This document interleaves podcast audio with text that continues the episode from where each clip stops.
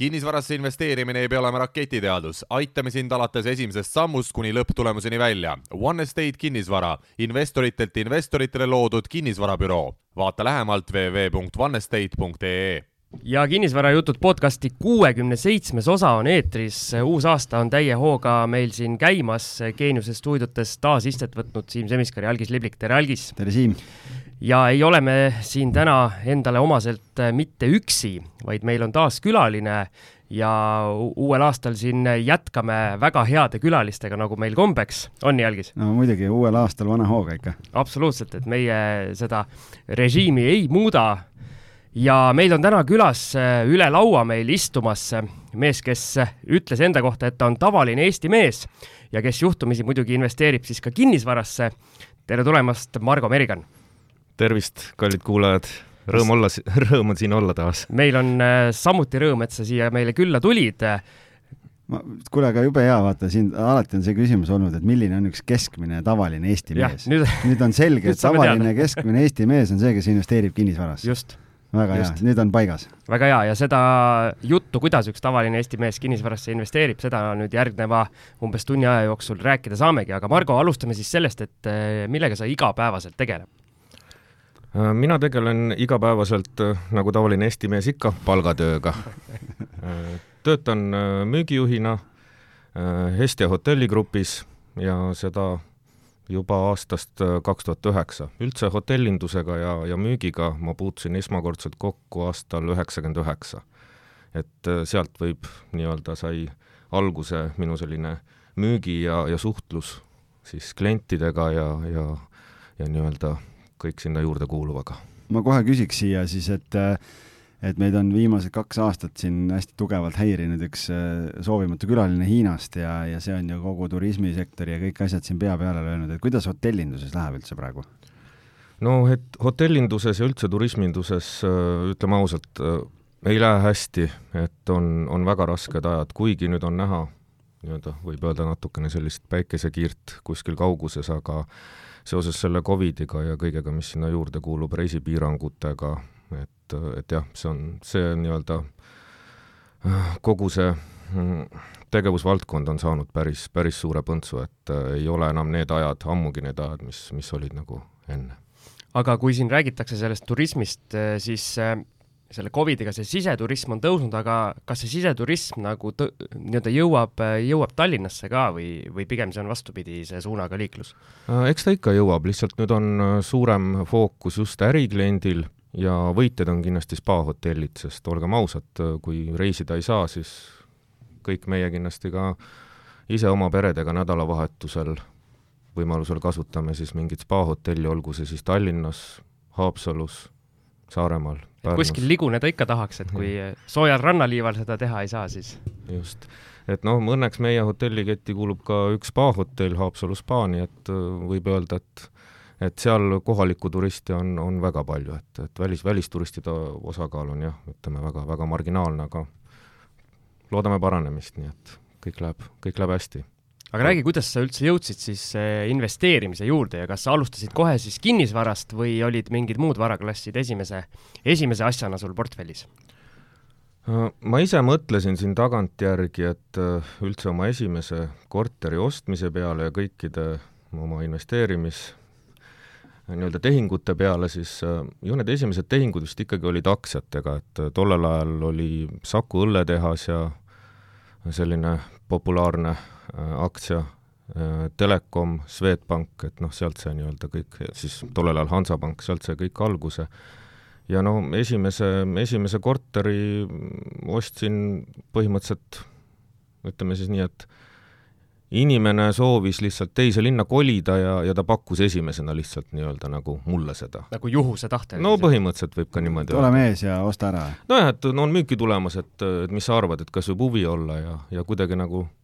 läks, läks jutuks nii ja, ja nii see, nii see esimene korter äh, soetatud saigi tookord. ostsid endale siis elamiseks või, või oli kohe nagu investeeringuna äh,? Tähendab, endal oli elamiskoht olemas, et, et äh, ega ma ei mõelnudki tollel ajal nii palju nagu ette, et ju mõtlesin, et üürile, üürile saab anda, et tegemist oli siis kaasomandi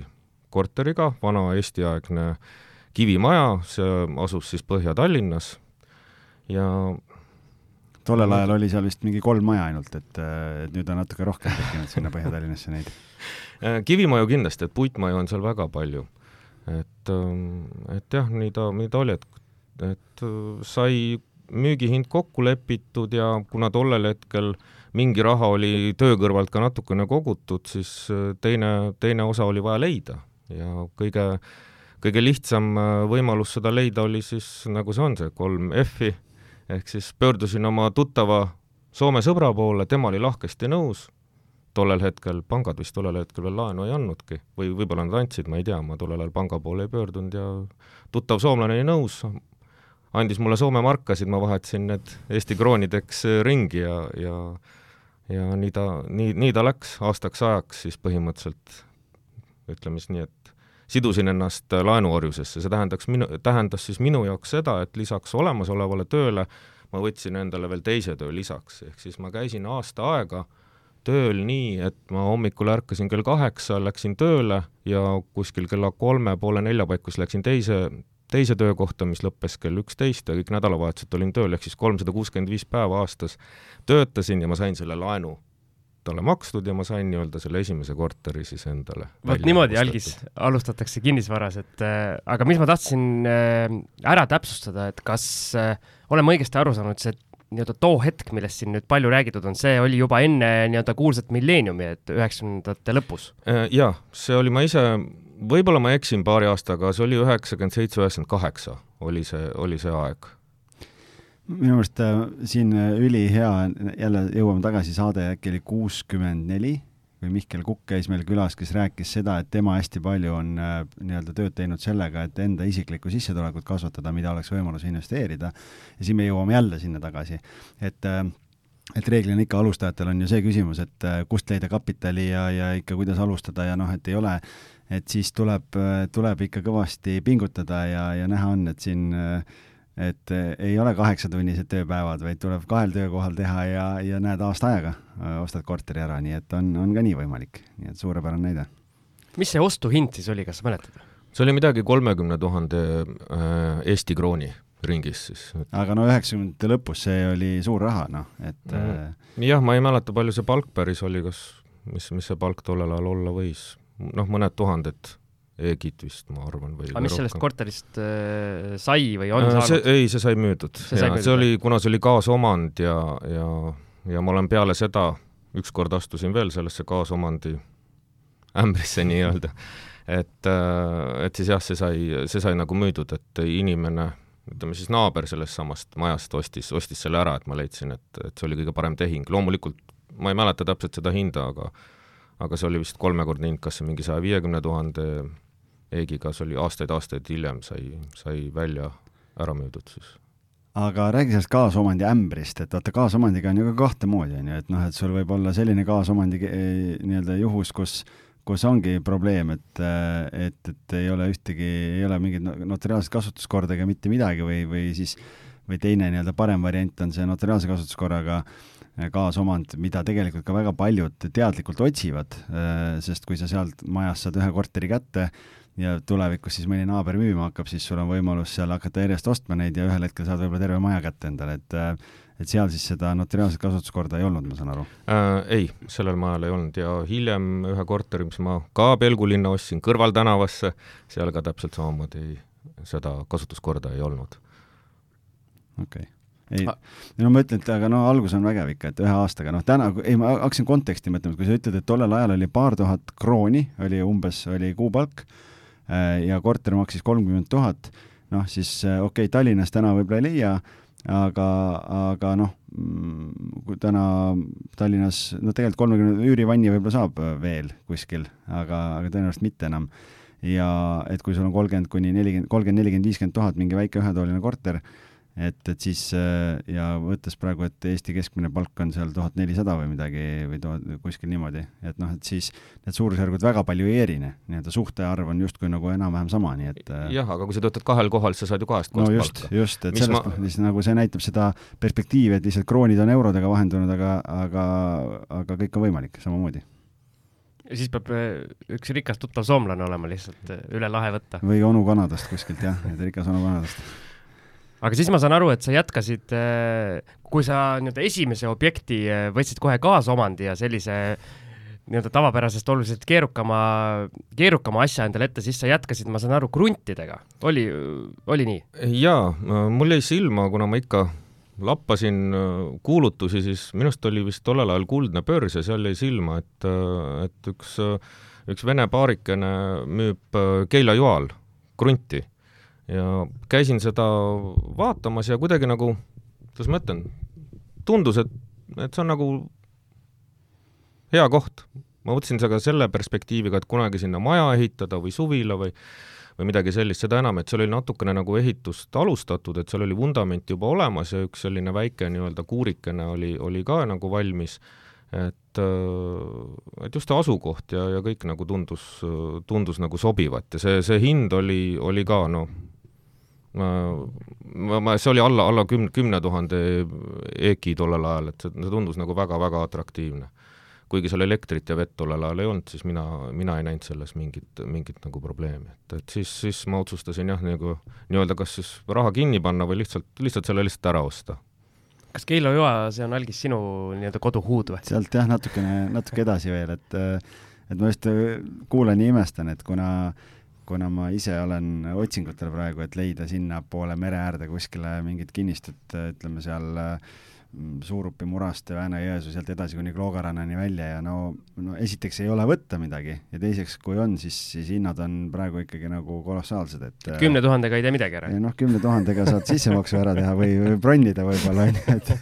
et kohale, kohale mineku tasu. see perspektiiv on nagu väga muutunud, nii et jah ja.. no parim oli veel see, et kui see krunt oli mul aasta aega olnud, siis ma olin selles nii-öelda kas see on siis suvila kooperatiiv või ühistu,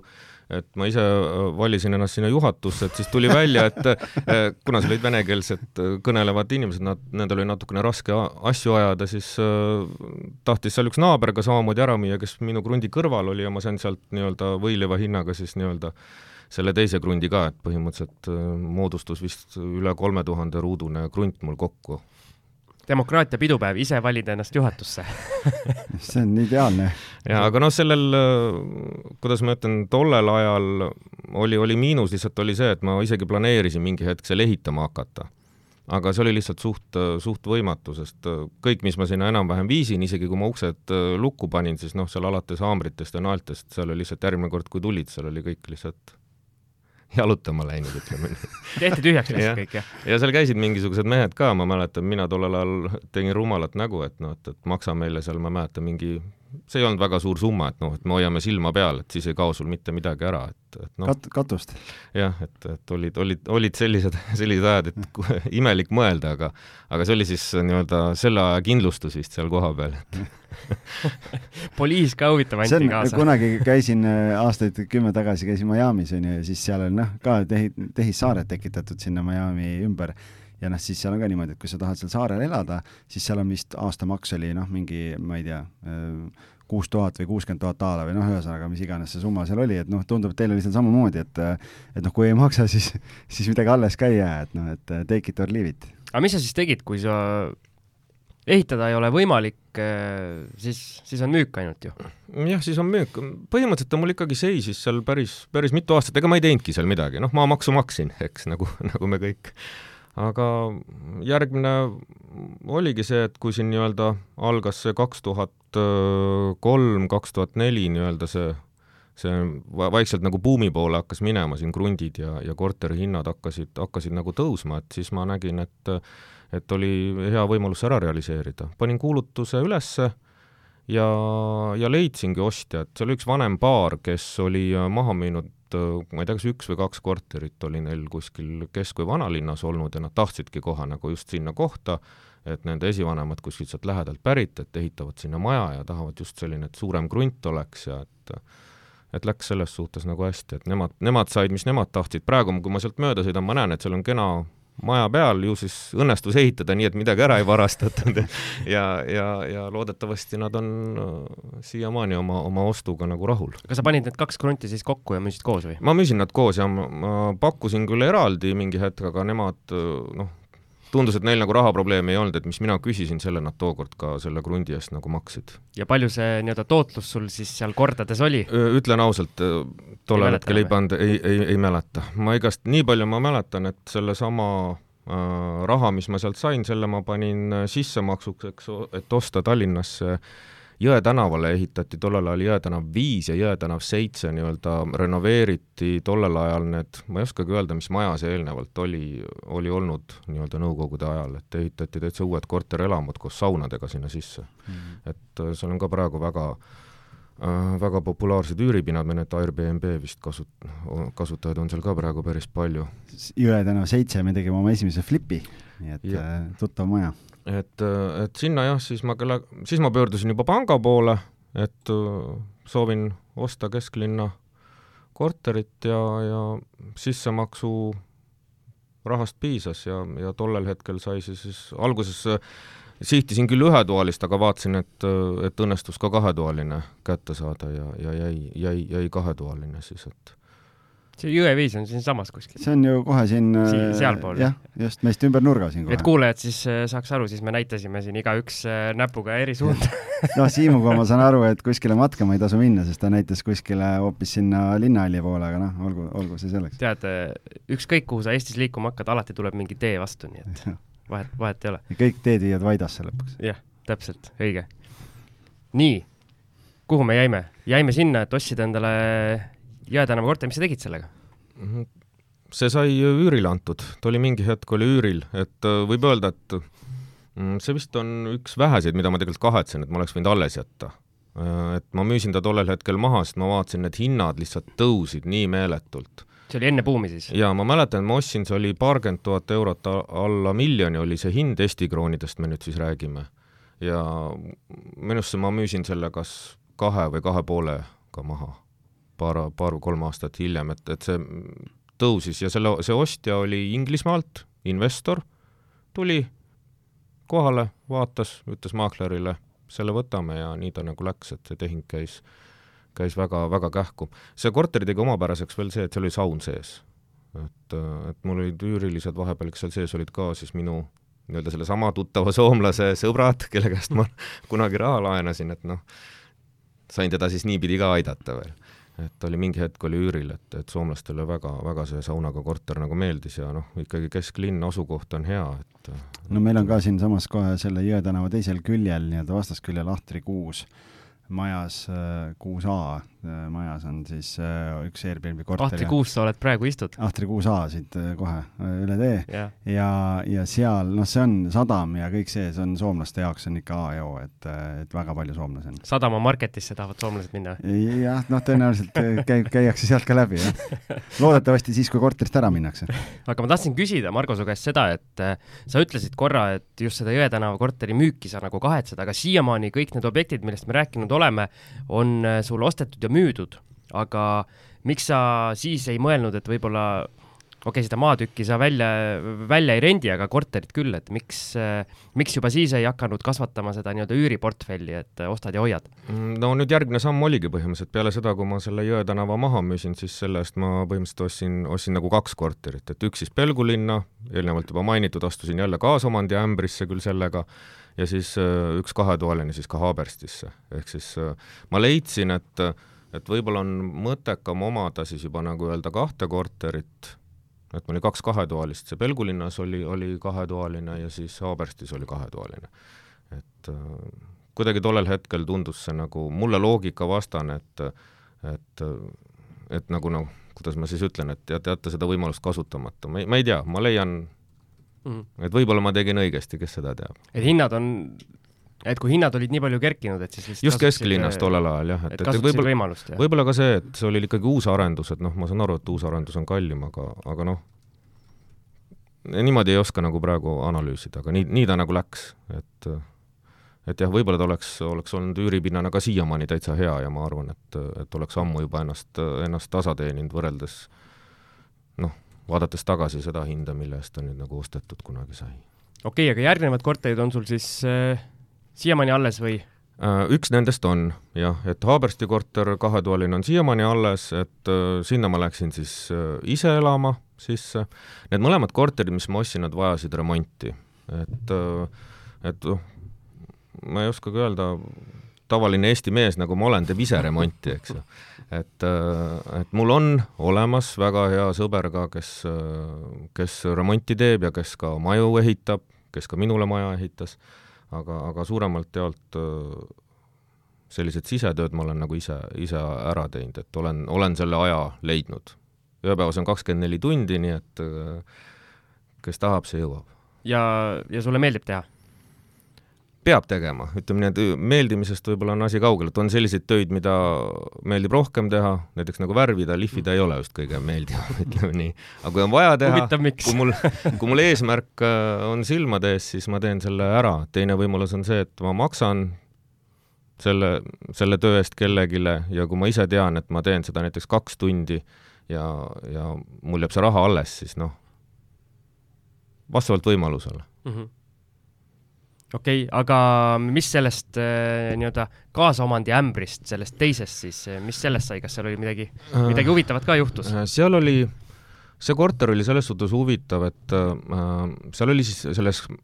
Eesti-aegses Kivimajas oli neli, neli korterit, üks kuulus minule. see oli siis jagatud kaasomandiga niimoodi, et igalühel oli üks neljandik äh,. Nii-öelda kui vaadata neid korteri ruutmeetri pindasid, siis tegelikult minu korter oli kõige väiksem. Et oleks pidanud olema nagu võrdselt jagatud, aga seda põhimõtteliselt ei olnud võimalik äh, nii teha, sellepärast et noh, siis oleks pidanud hakkama seal juba seintesse auke tegema või nii-öelda tube nagu ümber tõstma. ja no eks nende kaasoman-, kaasomanikega ikka vahest oli natukene seal nägelemist, et kes seal, kelle auto äh, parkis aias kinni äh,, seal oli üks veemõõtja näiteks, et siis me jagasime veearved neljaks alati, noh, kui seal kõrval elab pere, kellel on kolm last ja sina elad näiteks üksinda või kahekesi, et noh, ühel pesumasin huugab üle päeva, teine teeb võib-olla nädalas korra, et noh, tollel ajal see võib-olla nii, nii palju nagu ei häirinud, aga lihtsalt tagantjärgi mõttes. Ja mina tegin siis nii, et ma tegin nende kõikide kaasomanikega tollel ajal sellise nii-öelda kirjaliku lepingu ja, ja nemad olid nõus, et äh, ma hõivasin enda korteri alt oleva keldri äh,, kutsusin mehed kohale, lasin neil teha põrandasse väikse augu, et ma saaks sealt treppi teha ja ma tegin endale magamistoa keldrisse, ma vedasin sinna kõik äh, põrandakütte ja äh, ja, ja nii-öelda remontisin selle täielikult ära, isoleerisin ka vundamendi ära, et, et sellest kolmekümne ruudusest korterist lõpuks tuli viiekümne viie ruudune korter. ja ma elasin seal ka mõned aastad sees, ennem kui ma Haaberstisse otsustasin ära kolida ja selle korteri ostis minult ära üks äh, vanem daam, kes kunagi oli elanud sealsamas lähedal Äh, sarnases majas, mis siis kunagi nii-öelda äh, Teise maailmasõja aeg pommitamises äh, hävis. et tema tahtis nagu oma kodule lähedal olla, et, et temal abikaasa äh,, abikaasat enam ei ole, et abikaasa suri ära ja ta tahaks nagu vanaduspõlve veeta, et talle nagu väga see sobis, et renoveeritud, korrastada see kaasomand ei, ei äh, suhe ei häirinud ja tal oli see raha kohe olemas, mis ma tookord nagu küsisin ka ja sellepärast ma otsustasin sellest Äh, sellest nii-öelda nagu loobuda. sul on siis sattunud ilma pangata ostjad kogu aeg? Äh, jah, Keila-Joa puhul küll ja, ja siis selle, selle Pelgulinna korteri puhul ka jah, on, on sattunud niimoodi jah, et aga selle nii-öelda veearvetega mul tuli nii-öelda kohe silme ette minu enda pere veearved või need kommunaalarved praegu, kus kõige kõrgem või suurem rida ongi vesi et ei ole küte ega ära, ei ole elekter, vaid on vesi ja just see kolme lapse pere, perevärk, et ma ei tea, kus ma ei tea, kust see vesi kõik läheb. Et see on täitsa müstiline. no see on jah, meil on äh, konstantselt kakskümmend kuni kakskümmend viis kuupi iga kuu, et ma ei tea, meil on hülged seal kodus, et äh, no see... täpselt sama, sama jutt, numbrid on vist sutsu väiksemad, aga no see on juba omaette, kui sellisel ajal ka on nagu küte ja elekter odavamad kui, äh, kui veenumber, et siis midagi midagi seal kodus toimub lund sulatama. ilmselt jah. nii, aga lähme siis äh,, lähme edasi, kus me jäime, me jäime, ma ütlen, sul see nii-öelda CV kinnisvaraalane on nii pikk, et siin äh, jõuad tead hiirega scroll ida seda järge, aga äh, nii, e, e, jõudsime sinna kohta, kus sa kolisid Haaberstisse ära, sinna kahetoalisesse korterisse. ja siis ma näen, et sa oled kirjutanud, et sa ostsid endale suvila äh,. jah, see tekkis äh,, kuidas ma ütlen see vajadus nagu, nagu tuli seestpoolt, et, et tundub, et ma ei ole ikkagi nagu korteriinimene.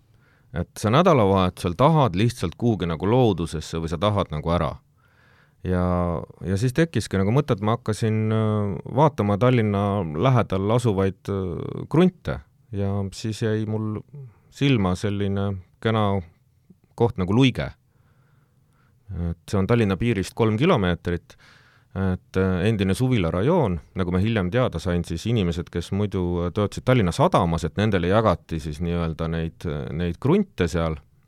Välja, see oli siis äh, kuuekümne viiendal kuni seitsmekümnenda aastani. ja oli kuulutus üleval, päris, päris huvitav, huvitav krunt juba tuntus mul, tundus mulle piltide pealt ja ja läksin seda siis vaatama, hind oli muidugi üüratu tollel ajal kaks tuhat kaheksa siis, äh, kui see nii-öelda krahh tuli, et, et küsida võis ju kõike, kõik läks enam-vähem nagu müügiks. ja, ja sõites sinna ma mäletan veel nii palju, et nii kui ma sinna nii-öelda oma kodutänavale sisse pöörasin, siis ma tundsin kohe, ma ei olnud isegi seda maja näinud veel, ma ei olnud oma jalaga selle krundi peale astunud, et just see on nagu minu koht Äh, maaklerile ma midagi loomulikult välja ei näidanud, otsisin seal vigu, kuna suvila katus äh, lasi läbi ja noh, ühesõnaga oli näha, et seal ei olnud äh, kümme-kaksteist aastat keegi hooldamas käinud, et müüja oli siis nii-öelda äh,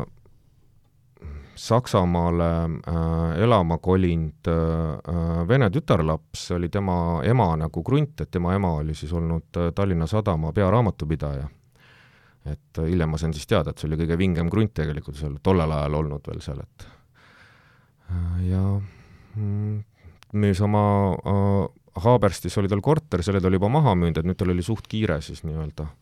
seda, seda, seda krunti müüa. tõmbas siis otsad kokku Eestis, et jah, et üldse ära minna, et kuna, kuna mees ja lapsed olid juba Saksamaal. et esimene kord, kui ma seda vaatamas käisin, ma, ma seda infot ei saanud maakleri käest, aga äh, teinekord, kui ma seda juba tahtsin vaatama minna, siis äh, noh,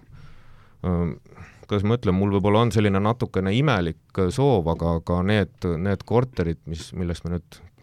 varsti edasi räägime, siis ma enne ostutehingut tavaliselt tahan ikkagi nagu selle omaniku või müüjaga ka nagu kokku saada, et ma tahan nagu temaga rääkida natukene. Ja tollel ajal ma sain selle info ja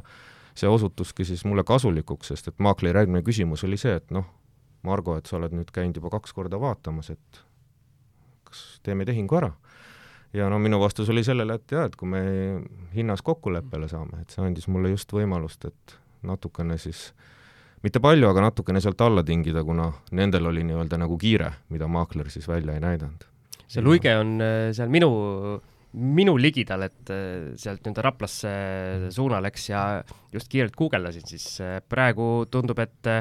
meil, meilgi saates käinud mehed äh, Scandiumist ja Everosist äh, arendavad seal luigekodusid et.... kuulutused on üleval ja,, jah, jah, tee ääres on näha, nii et no, väga, väga perspektiivne koht ja ja nagu ma saan aru, siis Rail Baltica teeb vist oma peatuse ka veel sinna, nii et, et see, see koht kindlasti areneb, et olen aastaid nüüd ka ise vaadanud krunte sinnasamasse, kas kõrvaltänavasse või lähedale. mida ei ole, seda ei ole. jah, ega see on, need ma olen ise ka sealkandis käinud piilumas, issand, mis koht see oli, äkki oli ka Luige kunagi mingi kaks aastat tagasi. sõitsin ringi ja vaatasin Tallinna äärseid mingeid kohti, kus, kuhu võiks nagu no see Tallinna äh, ringtee äär on, ma nüüd sõidan, kuna mul üks korter, mida ma praegu renoveerin, on Keilas, siis ma sõidan Jüri-Keila vahet ja see kogu see nii-öelda tee äär, see Kiili, Luige, Saku, äh, Saue, et äh, see on ikkagi, juba on ülikuum ja läheb veel kuumemaks tõenäoliselt ja tundub jah, et sealtpoolt nagu arenev linn äh, hästi kiiresti välja ja noh, tegelikult sealt Tallinnasse on sups ju ainult, et ja mitu erinevat varianti ka veel, et kas lähed, lähed Viljandi maanteed pidi linna või lähed Tartu maanteed pidi linna, et äh, jah, algis tuleb sealt oma nii-öelda põhja poolt äh, linna, ma ei tea, kui kaua ja ei no selles mõttes, et ma, ma võin, ma tulen igatpidi sa pead helikopteri ostma. mul on variante nii palju, et ma olen niisugune loominguline. ahah, okei okay., paadiga seda veel ei ole, või helikopterit, et, et need on veel kasutamata aga, aga selle, sa ehitasid sinna siis, said selle krundi kätte? jaa ja..., siis ta, siis ta päris mitu aastat mul seisis, ma tegin selle suvila seal nii-öelda nagu korda, et seal sai katus ära vahetatud, et ütleme nii, et algselt, mis ma kartsin, et seal on kõik nagu mäda, tegelikult ei olnud, et, et see suvila, seesama aiamaja on siiamaani täitsa püsti, mul on kahju seda oma kätetööd nii-öelda või oma parandustööd ära lõhkuda ja, ja ma kasutan seda suviti, kuna mul on seal suvine vesi praegu sees, et äh, siis äh, Airbnb on, on suvel mul siis nii-öelda selles, selles saunamajas. vot, ja meil on äh, siin kuulajatele väike, väike infokild, et on Margoga eelkokkulepe olemas, et sellest äh, Airbnb asjast räägime boonusosas, et, et kuna see, ma ei tea, kas meil on sellist investorit äh, külas käinud, kes põhimõtteliselt elab oma Airbnb selle objekti kõrval ja siis, kui tal külalised sees on, siis saab aknast kogu aeg piiluda, et mis seal täpsemalt toimub. vist ei ole olnud jah, nii et väga põnev, väga kohe huviga ootan. jah, aga ma saan aru, sa selle suvila ostsid äh, põhimõtteliselt nagu buumi tipus. Äh. jah, jah, seda küll. kuidas see nii-öelda hinnas kajastus, kas ta sellepärast sul paar aastat seisiski, et siis Mm. Nii-öelda turg kukkus kokku ja natukene pidid nagu vaatama, et mis teha. see, seda ka jah, aga ma ju nägin, kuidas ma ütlen, ma nägin nagu, nagu sellest perspektiivi, ma ei mõelnud nagu võib-olla sellele, et see ongi see, et et kui sa ise tunned, et see on sinu koht, sest noh, nüüd ma juba elan seal rohkem kui, kui üheksa aastat ja, ja ma olen sinna maja ehitanud, et, et noh, ma ei, ma ei ole nagu isegi mõelnud selle peale, kui praegu küsid, siis niimoodi jah, et et võib-olla see ei olnud rahalises mõttes kõige targem, aga kuna see on ikkagi nagu minu kodu ja, ja, ja mulle nagu väga, väga meeldib, et, et siis ma nagu ei kahetse seda, et seda enam, et nüüd, kui ma olen sinna maja ka ehitanud, siis kindlasti noh, see, see on kümneid, kümneid kordi nagu äh, nagu kasvanud, see, see, see kogu, kogu väärtus. Ja mina pidasin just tollel ajal oluliseks seda, et ta oleks äh, suht lähedal ja nagu mainisid, seda Tallinna ringtee, et sealt on tõesti väga hea igale poole liikuda, kas siis Jüri poole, mida iganes, sõidad sa Haapsallu, Saaremaale, Pärnusse, et sa pääsed igale poole sealt kergelt liikuma ja ja kui mina Haaberstist ära kolisin, siis ma võtsin ise aega, et näiteks kesklinna, südalinna sõiduks, kas ma sõidan Haaberstist või sõidan sealtsamalt Luigelt, et äh, põhimõtteliselt see aeg tuli sama. nüüd võib öelda tegelikult, et et siin viimane aasta justkui mainisid, et, et tundub, et äh, sealt läheb liiklus äh, iga aastaga aina tihedamaks, et on rohkem tulijaid, et, et see, see piirkond areneb, et võib-olla varsti võtab sealt kauem aega, et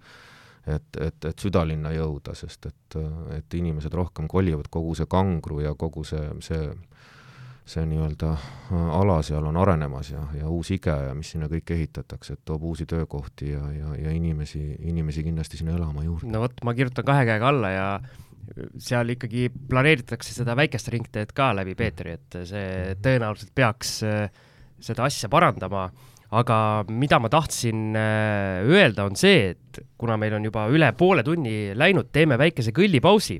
ja siis jätkame juba nii-öelda buumijärgse ajaga, mis Margo seal teinud on ja meil on kirjas selline infopunkt kui lõputu otsimine, alati teine. ehk siis äh, väga huvitav, huvitav pausijärgne jutt äh, saab ees olema.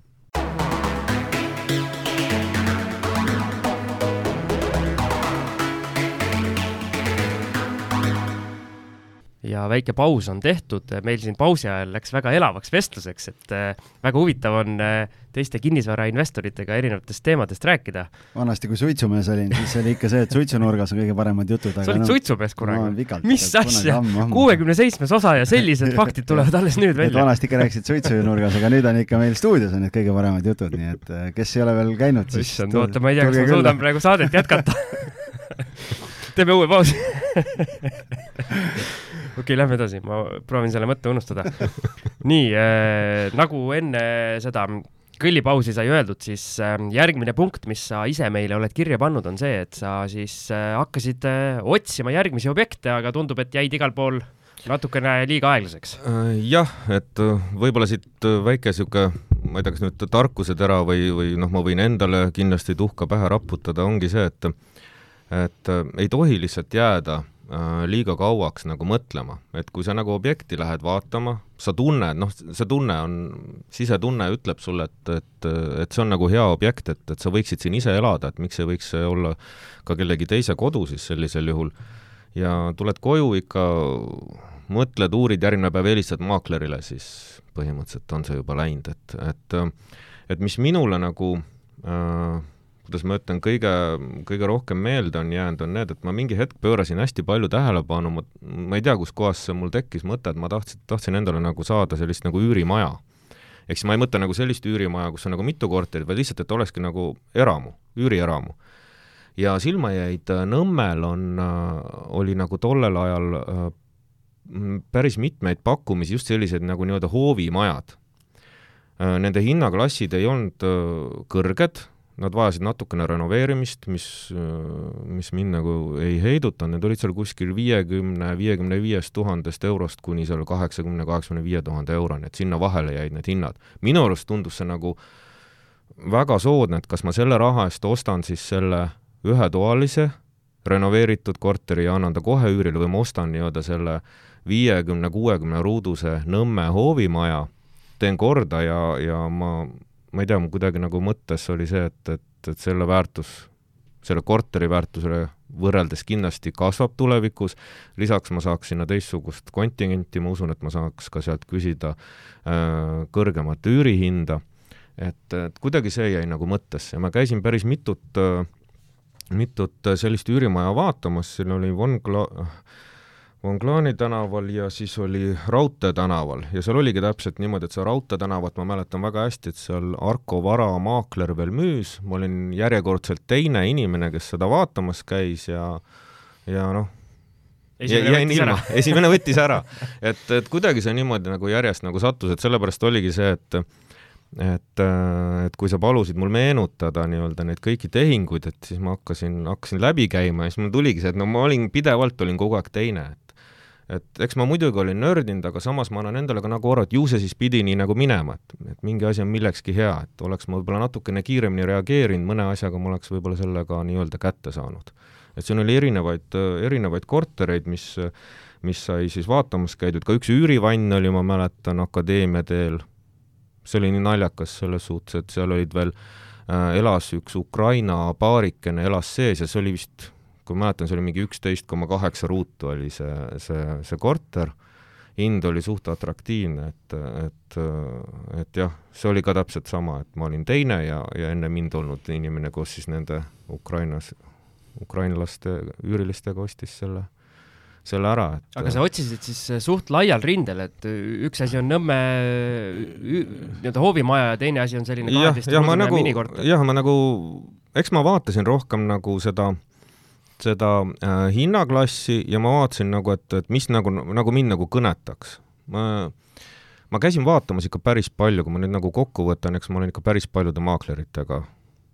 kokku puutunud oma elus. algisega ei ole varem kokku puutunud? algisega ei ole varem kokku puutunud jah, et äh, ma, mul on müügiobjekte viimasel ajal vähe olnud, vaata, et äh, mul on rohkem üürifookust olnud, nii et peab muutma siis järelikult, et äh, et, et noh, see põhiline selline otsimine oligi seal,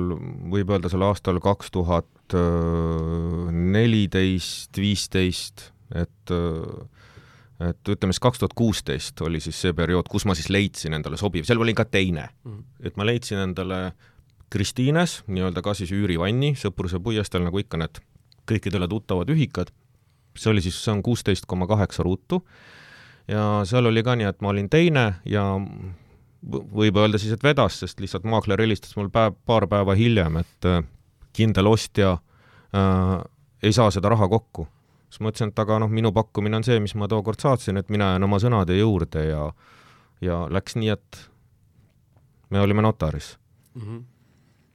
ja sealt, sealt ma siis sain oma, oma esimese nii-öelda väikse, väikse üüri, üürivanni kätte. Meil neid üürivanni omanikke alates Kristi Saarest on siin saadetes käinud ka. Räägi, kas äh, sind nagu ei heidutanud kuidagi see ühiselamu, see kultuur ja seal mingil hetkel ikkagi need majad, eriti need koridorid olid päris räämas ja see seltskond, kes seal elas, äh, kes meil siin käis rääkimas, kuidas autod lõhuti akna all niimoodi ära, et äh, täpselt sel päeval, kui üürnik tuli korterit vaatama, et ja üks naist, naisterahvas oli jah, mul ei tule nimi enam meelde, külalisi on nii palju käinud juba jah, et sind ei heidutanud sellised,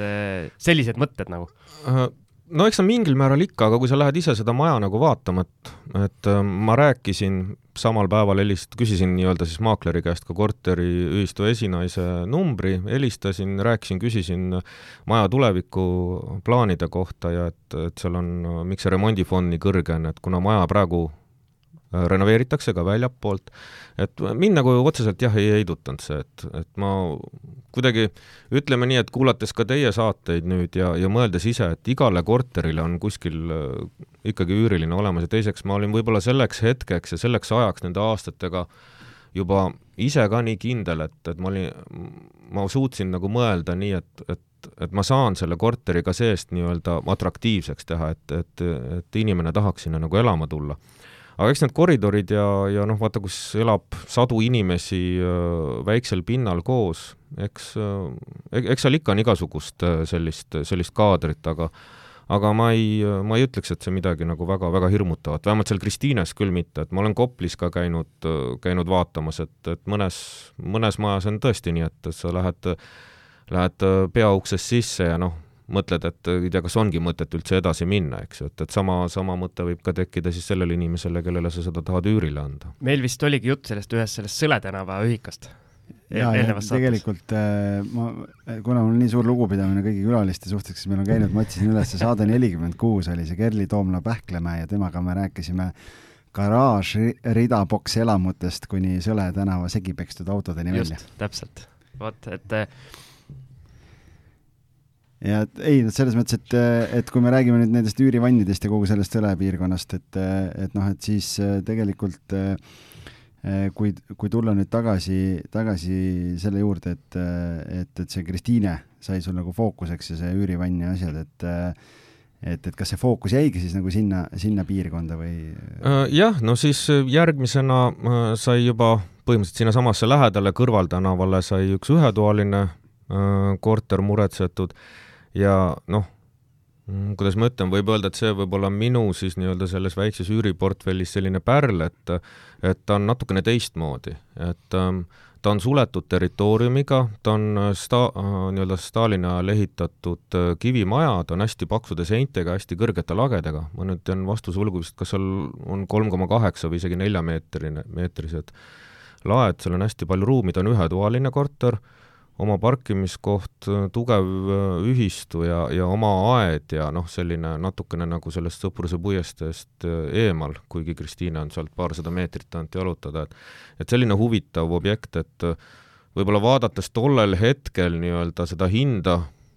võib-olla ma maksin seal mõned tuhanded rohkem, kui tegelikult ta väärt oli, aga kui, kui võtta need plussid kõik, kõik sinna juurde, siis ma nägin nagu sellest perspektiivi ja mul ei ol-, ole siiamaani olnud mingit probleemi seda ka, ka välja rentida,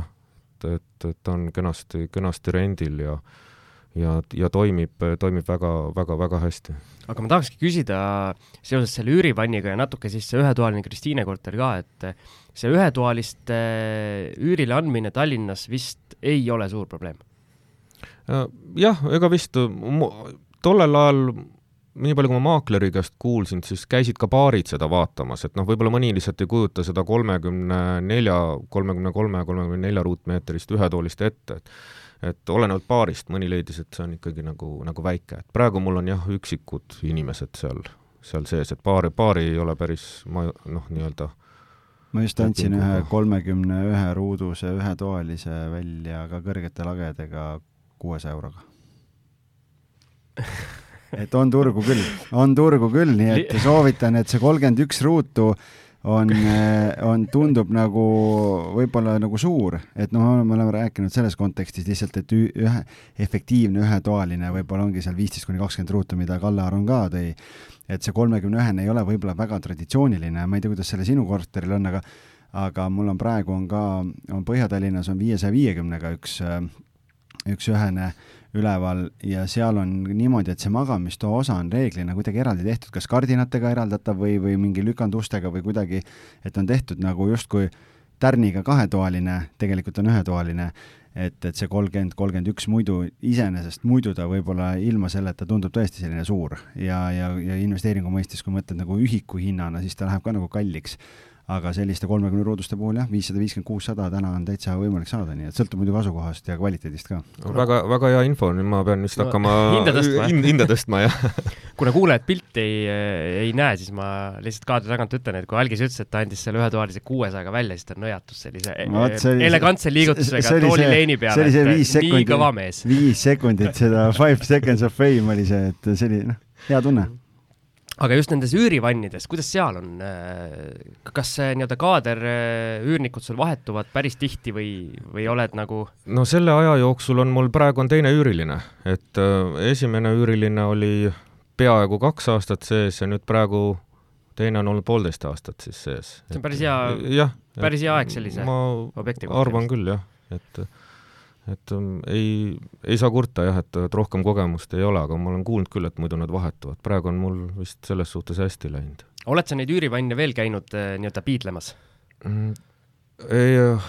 peale seda ma ei ole vaatamas käinud, sest äh, mulle tundus, et selle, kui ma selle hinna eest, mis mina ostsin, et praegu need hinnad on ka nagu, need on üle mõistuse minu arust nagu kalliks läinud, et et äh, kindlasti on neile, neile kuskil ostja, aga, aga ma leian, et, et ma, ma praegu hetkel ei, ei ostaks nagu juurde, et, et sealt ma pöörasingi oma, oma fookuse siis,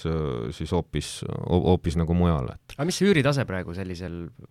väikesel, väikesel nii-öelda üürivannil on äh,? mul oli esimese üürilisega, oli ta lausa kolmesaja viiekümnega üüril, praegu ta on mul kakssada üheksakümmend viis. väga hästi et asukoht on, ma arvan, noh, määrav ikkagi ja kui see maja nagu korda tehakse, et ega ma olen ise ka mõelnud, et võib-olla mingi hetk äh, isegi see ära realiseerida, kui see maja korda tehakse, sest kindlasti väärtus veel tõuseb, aga samas ütleme niimoodi, et äh, sama raha eest samasse piirkonda jälle, jälle asemele midagi osta võib, võib olla suht, suht nagu raske, et et äh, üksikule inimesele, kes näiteks nagu praegu seal on õpilane sees äh,, kes vajab äh, nii-öelda sõna otseses mõttes ainult magamiskohta ja võib-olla duši, eks ju, siis, siis on see, on see korter ideaalne, sest need, need kulud on, on ikka, ikka suht, suht, suht väiksed võrreldes seal kahetoalise korteriga näiteks. aga kuhu sa siis oma pilgud pöörasid? Äh, siis ma pöörasin äh, Mustamäe poole, mitte et ma ei oleks mujale vaadanud, ka Haabersti kanti ja isegi, isegi mingi hetk ma mõtlesin just, et natukene nagu hajutada, et võib-olla vaadata ka Põhja-Tallinna poole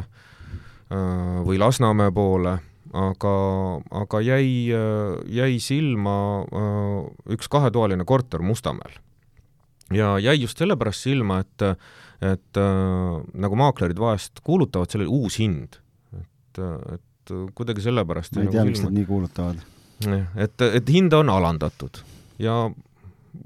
mis ma kõigepealt tegin, ma helistasin kõigepealt oma tuttavale maaklerile, ütlesin, et äh, sinu büroost, näed, selline äh, maakler müüb sellist äh, objekti, et äh, enne kui ma talle helistama hakkan, et uuri mulle natukene seda tausta. ja temalt ma sain siis info, et, äh, et see korter, mis müügis on, et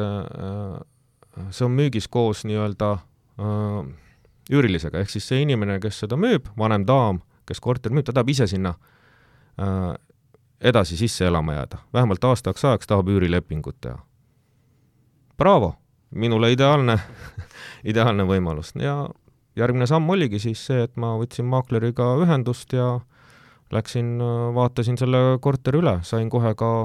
korteri äh, müüja omanikuga kokku ja sealsamas rääkida. Ja kuidagi meil nagu klappis ja tuli välja, et meil on ühiseid tuttavaid veel ühe tuttava tuttava kaudu, keda tema teadis. Ja, ja nii ta, nii ta nagu läks, et, et selle korteri äh, ostuks ma siis äh, kasutasin ka oma ettevõtte alt ärilaenu et äh, küsisin pakkumist mitmest pangast, oma kodupank tegi kõige parema pakkumise ja nii see, nii see tehing novembris tehtud sai, et selle, selle aasta novembris siis ostsin.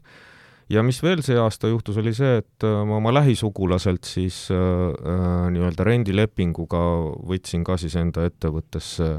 ühe ühetoalise Mustamäel, mis samamoodi, et äh, ta vajas natukene värskendusremonti, natukene IKEA mööblit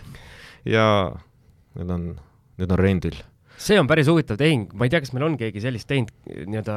pikaajalise üüriga, et äh, võtad ise siis rendile ja teed natukene nii-öelda nipet-näpet ja ma lähi, jah, ma lähisugulasega leppisin lihtsalt kokku, tegin temaga lepingu, et äh, mina maksan talle, ettevõte tähendab, maksab talle iga kuu mingi summa ja, ja see korter on minu ettevõtte kasutuses, ma tegin kulutused, seal ei olnud vaja palju teha. Tuli vist pool, poolteist, kaks tuhat eurot, korter oli, oli väga, sai väga, väga ilusa viisaka väljanägemise ja, ja uue värske, värske värvi ja, ja, ja, ja läks, läks põhimõtteliselt paari nädalaga siin septembri alguses äh, üürile, et ei olnud, ei olnud raske sinna kedagi leida turul on tegelikult selliseid teenusepakkujaid, vaata meie Airbnb äri algas ka kunagi, aga noh, levinud on see, et sa võtad üürile pikaajaliselt ja üürid edasi, aga ja. tegelikult on ka äh, on ka minu teada mõned ettevõtted turul, kes pakuvad seda võimalust, et nad pakuvadki sulle seda garanteeritud üürirahavoogu, et nad võtavad, teevad sinu korteriga lepingu ja, ja nad pakuvad sulle siis grammi võrra alla turuhinna, sina saad oma kindla garanteeritud rahavoo kätte ja nemad ise siis üürivad edasi seda turuhinnaga või noh, üritavad sealt maksimeerida, et, et sealt tekib see kasum nagu, aga, aga noh, et ütleme nii, et et ähm, noh, see ei ole väga levinud äh, mudel, aga ta on selles mõttes, teatud mõttes on ta nagu päris hea,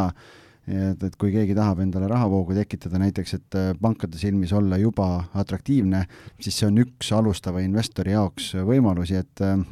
lepi sõprade või tuttavatega kokku, et davai, ma üürin ise ja ma üürin edasi ja, ja ma maksan ise sulle üüri, et sul on kindel äh, kindel asi olemas, et tegelikult see on nagu väga hea point, et sa selle välja tõid. just, ma tahtsin öelda, et alustaval investoril, kellel võib-olla veel kapitali alustamiseks ei ole, et see on üks asi, mille suunas vaadata ja minu meelest, Margo, see point on ka suurepärane, et kui sa veel ise mingi lisaväärtuse lood, kas või selle IKEA mööbli ja kerge nii-öelda viimistlusremondi näol, et siis on võimalik seda nii-öelda teenistust endale võib-olla suurendada seal. nojah, et kui sul ongi argument on see, et okei okay,, kuule, ta on sul praegu selline, nagu ta on. sa ise ei viitsi midagi teha, on ju. ma võtan ja. selle hinnaga, ma värskendan ise ära ja, ja ma üürin edasi, et nagu win-win ju tegelikult. jah, et äh,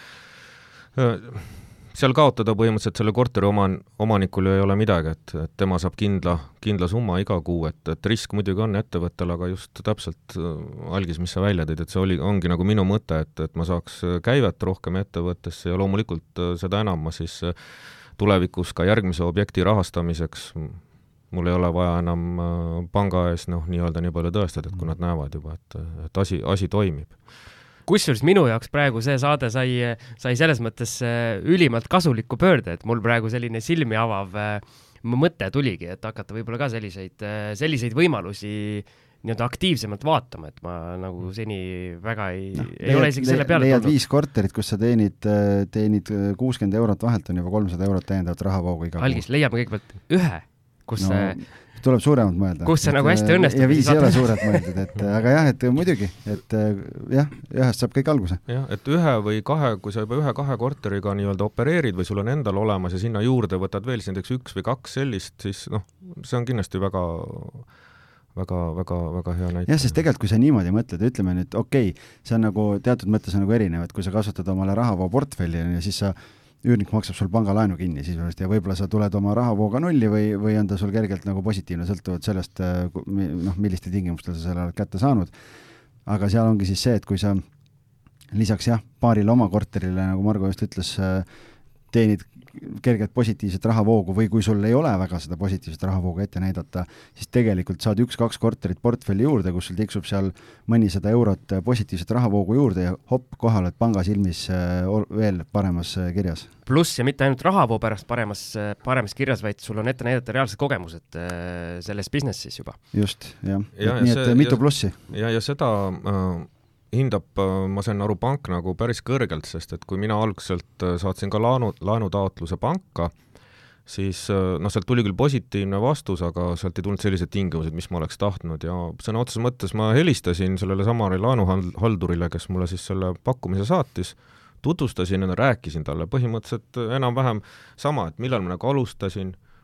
et minu ettevõte on teie pangas, te näete igakuist rahavoogu, sellised objektid on, nende lepingutega on kaetud, on ju, saatsin neile Exceli tabeli, kus on näha, kui palju on igakuine sissetulek nendest, millised on minu nii-öelda kohustused, millised on ettevõttel, kas tal on kohustusi, kui on, siis kelle ees, kus kohal. ja noh, ütleme niimoodi, et järgmine kord, kui see laenu pakkumine ja see kõne juba panga poolt tuli, siis nagu nemad helistasid mulle, et noh, et, et saatsime teile kaks päeva tagasi, et mis me teeme, et kas te olete nüüd huvitatud, et et ma sain sealt isegi mõned null koma protsendid natukene alla ka tingida. ja suhtumine et, oli muutunud, et jaa, et, et ma näen seda, et, et kui selgitada, sest ega nemad ei tea ju, millega sa tegeled, aga kui sa nagu räägid lahti, mille jaoks sul seda vaja on. samamoodi, kui ma selle korteri ostsin, ma selgitasin ka pangale kohe, et mul on seda vaja selle jaoks, inimene jääb sinna sisse, me teeme lepingu, me isegi notaripäeval tegime kohe üürilepingu, et noh, kõik, kõik saavad nagu aru, et, et et kuidas nagu asi toimib, jah. Aga võtame selle asja nüüd äh, veidi üldisemaks, et äh, millised on sinu jaoks olnud äh, nii-öelda kõige õpetlikumad tehingud, millele sa võib-olla siin tagantjärele näiteks siia tulles ka mõtlesid, et kuidas sellele küsimusele võiks vastata? noh, eks, eks iga tehing on mingil määral natukene nagu, nagu õpetlik, et ütleme, et noh, mina olen kõikide tehingute puhul siis öö, oma sisetunnet nagu usaldanud, ehk öö, ma olen, ma olen seda objekti vaatama minnes proovin nagu tunnetada seda, et, et, et millise, millise tunde see võib tekitada inimeses, kes sinna nagu elama tahaks tulla. ma võib-olla suudan nagu, nagu ette kujutada seda, sest et no ma ise nagu mõtlen oma, oma mineviku peale, need, need korterid, mis ma olen nagu ostnud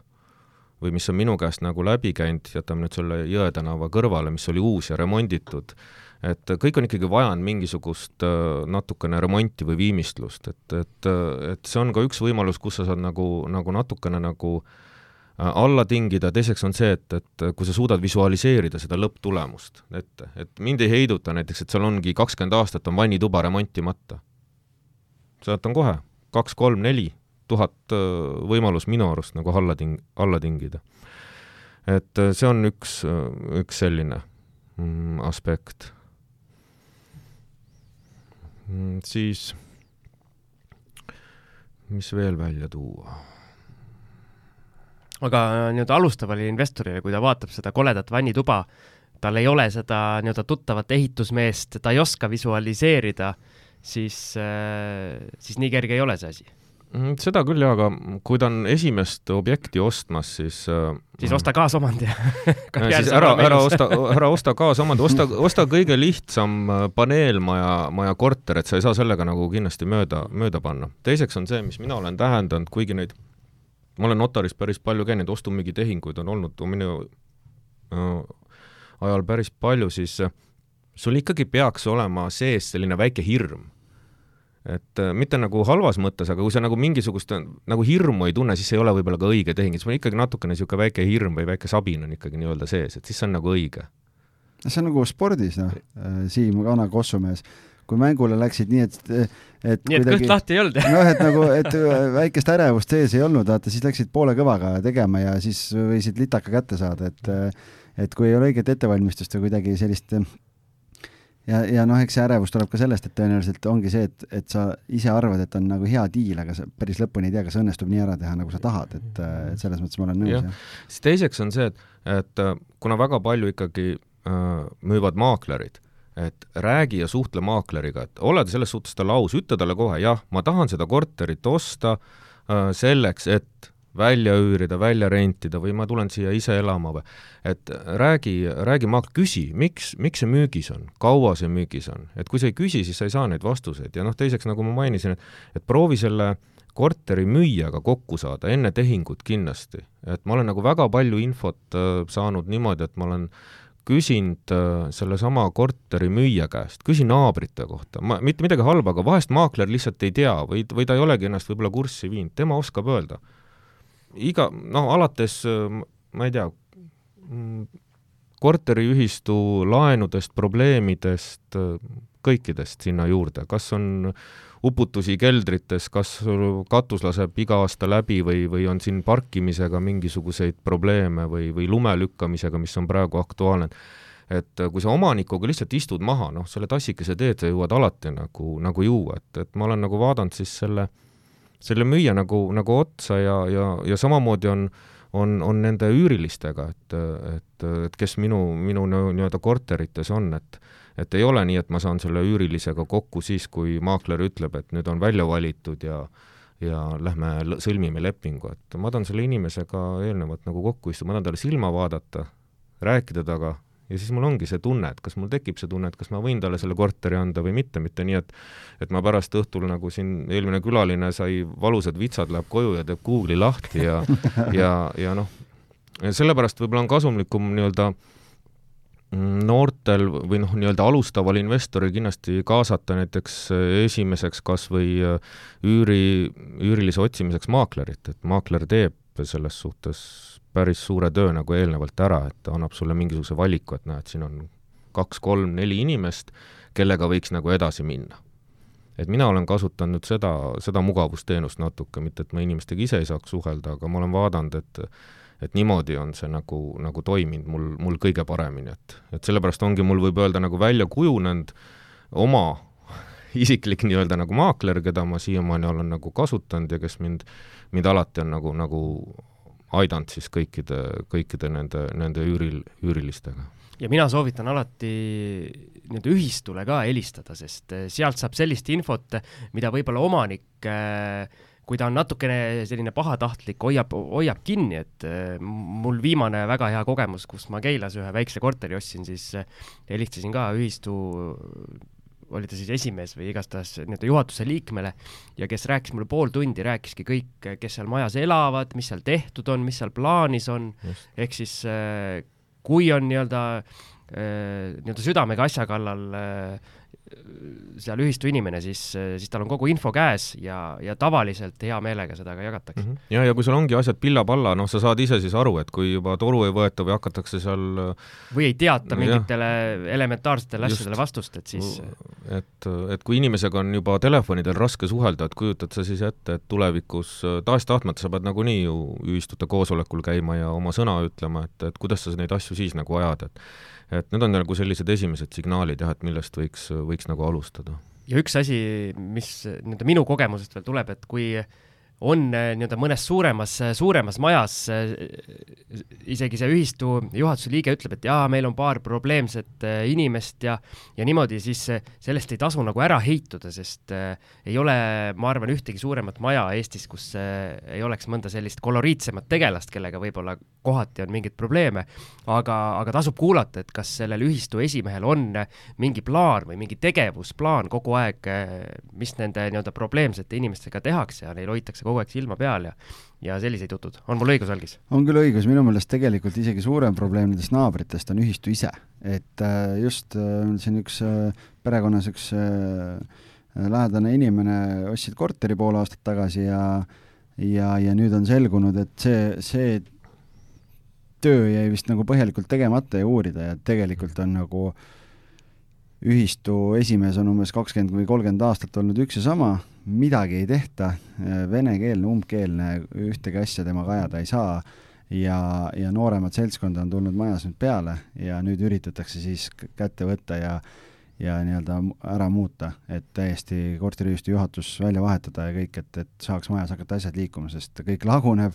remondifondi ei korjata, mitte midagi ei tehta, et noh, selles mõttes, et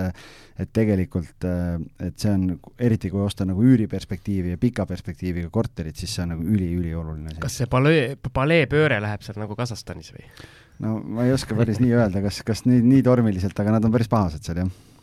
okei okay,, aga Margo, sinu käest on hea küsida, kuna sa mitu kümnendit ikkagi kinnisvaraturul siin tegutsenud oled, et kuidas selle aja jooksul sinu silme läbi kogu see kinnisvara teema ja kinnisvaramaailm siin Eestis meil muutunud on? ma mõtlesin ise ka selle, selle peale järgi, et äh, nüüd noh, turg on kindlasti mm, korrastunud, ma mõtlen kas või selles mõttes, et äh,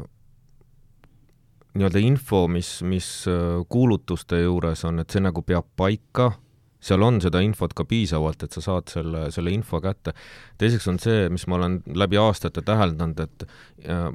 alati ma ei helista maaklerile, kui mul mingi objekti vastu huvi on, vahest ma saadan mingid täpsustavad küsimused, siis ma saan nendele ka vastuse, et ma mäletan, on neid aegu küll, ma olen sadu meile saatnud, millele ma ei ole kunagi mingeid vastuseid saanud. et äh, noh, see on küll jäänud siin viimase jah, võib-olla kümne, kümne aasta taha, et, et ütleme, et, et see on, see on kindlasti, kindlasti tunduvalt paranenud. ja jah, võib-olla see, see suhtumine üldse nagu, et äh, kuigi just praegu mõtlen, et äh, siin alles mul oli jah, ka see aasta üks kogemus siin ühe maakleriga, kes äh, ei võtnud mind viimase hetkeni tõsiselt, kui peale seda, kui ma saatsin talle kirja, et nüüd võiks notari aja panna, et siis nagu tundus, et vist võib-olla ma ei jäta siis sellist, olen täitsa tavaline Eesti mees ja ei jäta sellist muljet, et ma võiksin, võiksin endale kinnisvara soetada, ma ei, ma ei tea. no ma arvan, pigem siis see maakler peaks mingi teise töö valima, kui talle müügitöö ei meeldi, et nagu see on, see on nagu imelik jah, et ja, jah, ja noh, seda on ka kohatud, et nagu Mm, kui ma tahan nagu korteri omanikuga ka kohtuda enne tehingut, et, et see, see vahest vaadates seda, siis omanik on tunduvalt äh, jutukam, asjalikum kui see maakler, et maakler seal kõrval ütleb võib-olla ainult kaks sõna ja, ja põhimõtteliselt tema töö on tehtud, et et, et võib-olla nüüdsel ajal on lihtsalt näha seda, et maaklerid viivad ennast rohkem kurssi, nad on, nendel on rohkem infot et isegi kas või seda, et kui, kui ma uurin maakleri käest, et kas selles korteris on kahetariifne voolumõõtja või ei ole, siis üldjoontes maakler ikkagi seda teab. minu jaoks on see väga oluline, ma usun, et samamoodi on see üürileandja jaoks oluline. et kas või sellised noh, küsimused. no lihtsalt siin ma nii-öelda maakleri tooli pealt rääkides on lihtsalt see, et et kui keegi tuleks, ütleks mulle, et kuule, ma tahan nüüd omanikuga ka kohtuda. algis ma ütlen sulle vahele, et maakleri tool on kollane maakleri tool on kollane, teistel on siin niisugused, noh, tuleb massist eristada, teistel on niisugused hallid, on ju, hall mass. et, et, et siis ma lihtsalt ütlen, et mina ei näe selle, noh, ma olen omanikuga kokku leppinud ju, tegelikult tema ju nii-öelda, me töötame käsunduslepinguga, on ju, et, et tema on käsundustelline, tellija ja meie tegelikult peame olema nii ettevalmistunud ja nii põhjalikud, et ükskõik, mis küsimus sul on, et me suudame ära vastata, et sul reaalselt ei ole vajadust või põhjust öelda, et kuule, ma nüüd tahan omanikuga kohtuda et kui see vajadus või tunne jääb, siis järelikult ikkagi maakler ei ole nii põhjalikult ennast oma kodutööd ära teinud, et kõike teada ja ja, ja, ja sellepärast, et noh, miks ta maakleri seisukohast on teatud mõistes on nagu risk, mitte sellepärast, et midagi varjata tahaks, aga seal on nagu see punkt ja miks ka ju maaklerid võetakse, on see, et omanikud kipuvad tihtipeale väga palju rääkima igasugustest sentimentaalsetest väärtustest ja asjadest, mis ei puutu absoluutselt asjasse ja võivad teinekord selle tehingu äh, ka tuksi keerata. et sellepärast tegelikult see maakler seal middleman'ina, selle filtrina seal vahel ongi, et let's cut the bullshit ja räägime ainult nagu olulisest asjast, mis puudutab seda korterit ja kogu seda poolt, aga teisest küljest ma saan aru,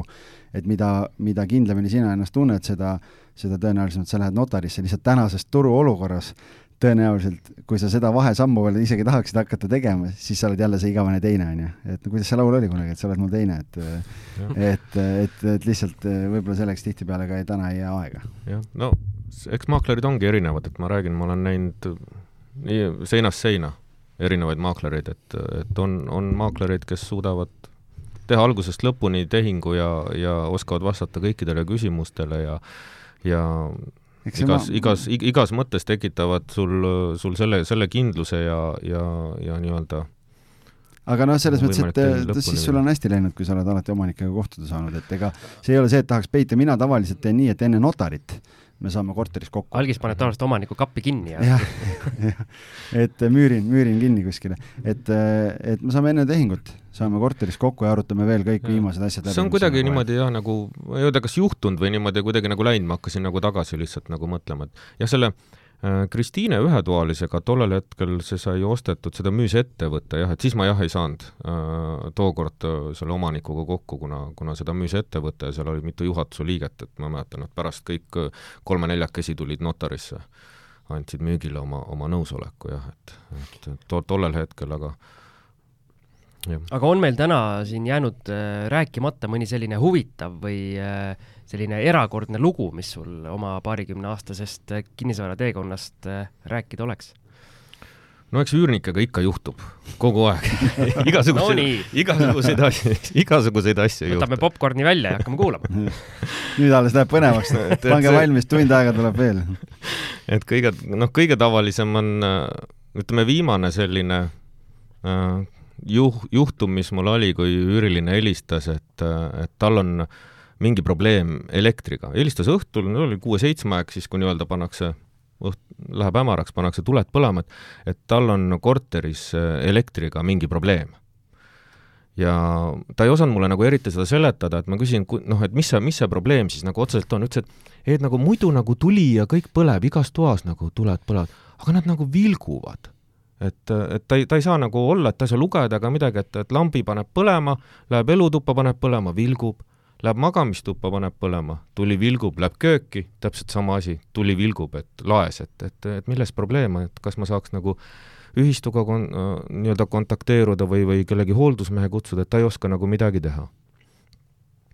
mis seal ikka, võtsin jalad selga ja panin autole hääled sisse ja läksin siis vaatama, mis probleem oli. no ma küsin teie professionaalide käest, pakkuge välja, milles asi võis olla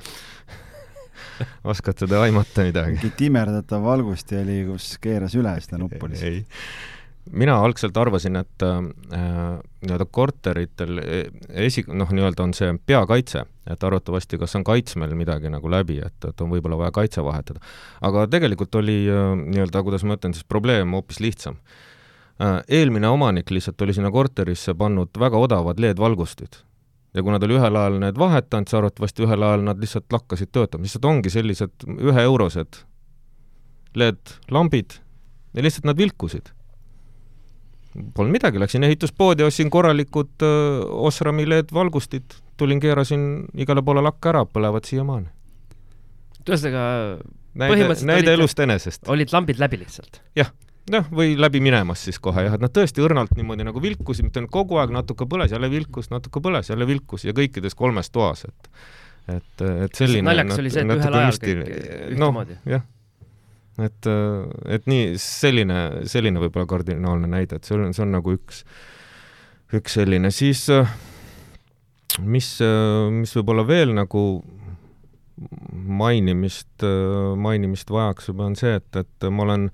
ühe üürisuhtega siis, mis nüüd puudutab seda Haabersti korterit, olen peretüli keskele sattunud. et, et kus ta nüüd nagu naljakas on, aga lihtsalt eluliselt, õnneks see olukord nagu lahenes suht, suht kiirelt, nagu ta alatagi sai, aga aga seda kõnet nagu noh, saada ei olnud just, just kõige, kõige meeldivam, et, et et, et asi, asi lahenes õnneks nagu hästi. kas sa olid siis nagu, nii-öelda sinu poole pöörduti kui vahendaja poole või sa said ka ikkagi eh, oma koosa kätte seal? ei, ei ma koosat kätte ei saanud, minu poole pöörduti umbes niimoodi, et õrnem pool siis pöördus minu poole lihtsalt, et ma tuleks äh,, aitaks, et ta ei oska nagu midagi, midagi ette võtta, midagi teha, et ta ei tea, mis nagu toimunud on, et ja noh, õnneks kui ma kohal, õnneks kui ma kohale läksin, siis oli asi nagu lahenenud, et see tugevam pool oli, oli lihtsalt, lihtsalt lahkunud mm. -hmm. ma mõtlesin, et mees kirjutas, et kuule, mul oleks eraldi tuba vaja, et et äkki saab ühe toa juurde ehitada korterisse. et, et selline, selline kurioos, kurioosne juhtum jah, et, et, et jah no vot sul..., üürileandja üheks ametit samamoodi siin pead olema, psühholoogi ja kõik, kõik jutud. ja muidugi siis selliseid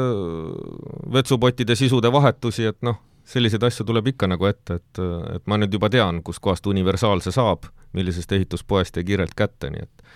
et see on viisteist minutit ja vahetatud, et sellist asja tuleb, juht-, juhtub ka.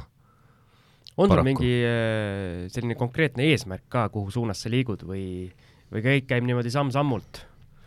no eks ma olen ikka mõelnud, et, nagu ma siin mainisin, ma tahaks, et mul oleks mingi üürieramu just, ma mõtlen nagu korterite kõrval ka ja noh, kümme on ka niisugune ilus number, et kui kümme korterit kunagi täis saaks, siis kui ne, mu silmad seda aega näeks, siis oleks nagu väga, väga hea, et, et sa nii noor mees veel, et kui sa kakskümmend aastat oled praegu toimetanud, on ju, sul on siin veel, on kuuskümmend veel minna siin vähemalt, et noh, jõuad siin kolme-neljakordistada oma portfelli. oi, ma tänan eks ma üritan anda ennast parima ja no kui sa ei alusta seda täna, ega siis, siis sul homseks seda ühte korterit ei ole. et, et see, see peab küll paika, et nagu siin paljud on, on öelnud ka lõpus ja, ja et ütlen ka mina, et kui mingisugune võimalus laenu võtta on, alusta, kindlasti ei ole selleks täna ka halb, halb aeg, et, et tee, tee selle ühe korteriga algust ja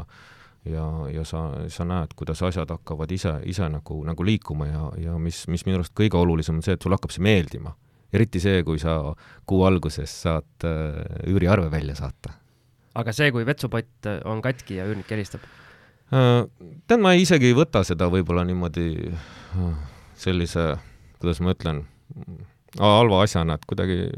see on osa sellest ja seda ei tule nagu tihti ette, sa vahetad selle ära, ma arvan, see on kolm-neli aastat jälle murevaba ja noh, see lampide asi, noh, see oli selline nüüd, nüüd tead, et äh, osta kvaliteetset äh, kraami, kraami, samamoodi käib ka kõikide kraanide kohta, et,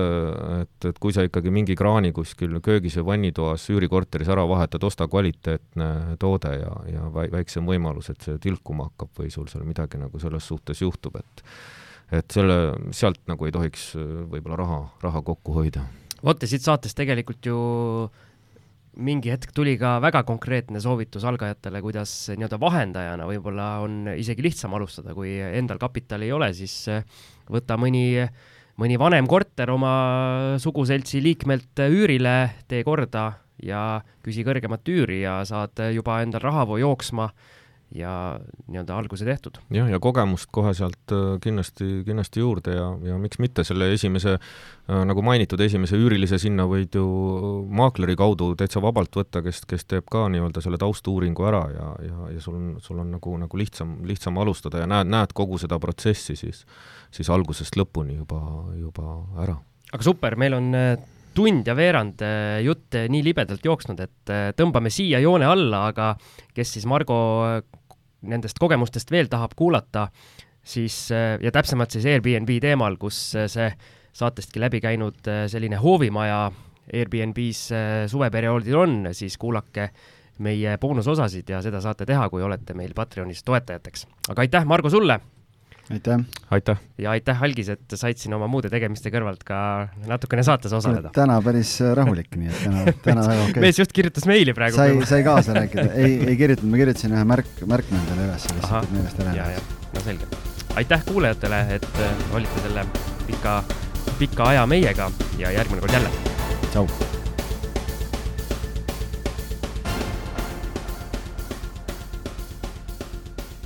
Kinnisvarainvestoritele loodud kinnisvarabüroo, aitame sind alates esimesest sammust kuni lõpptulemuseni välja. vaata lähemalt www.onestate.ee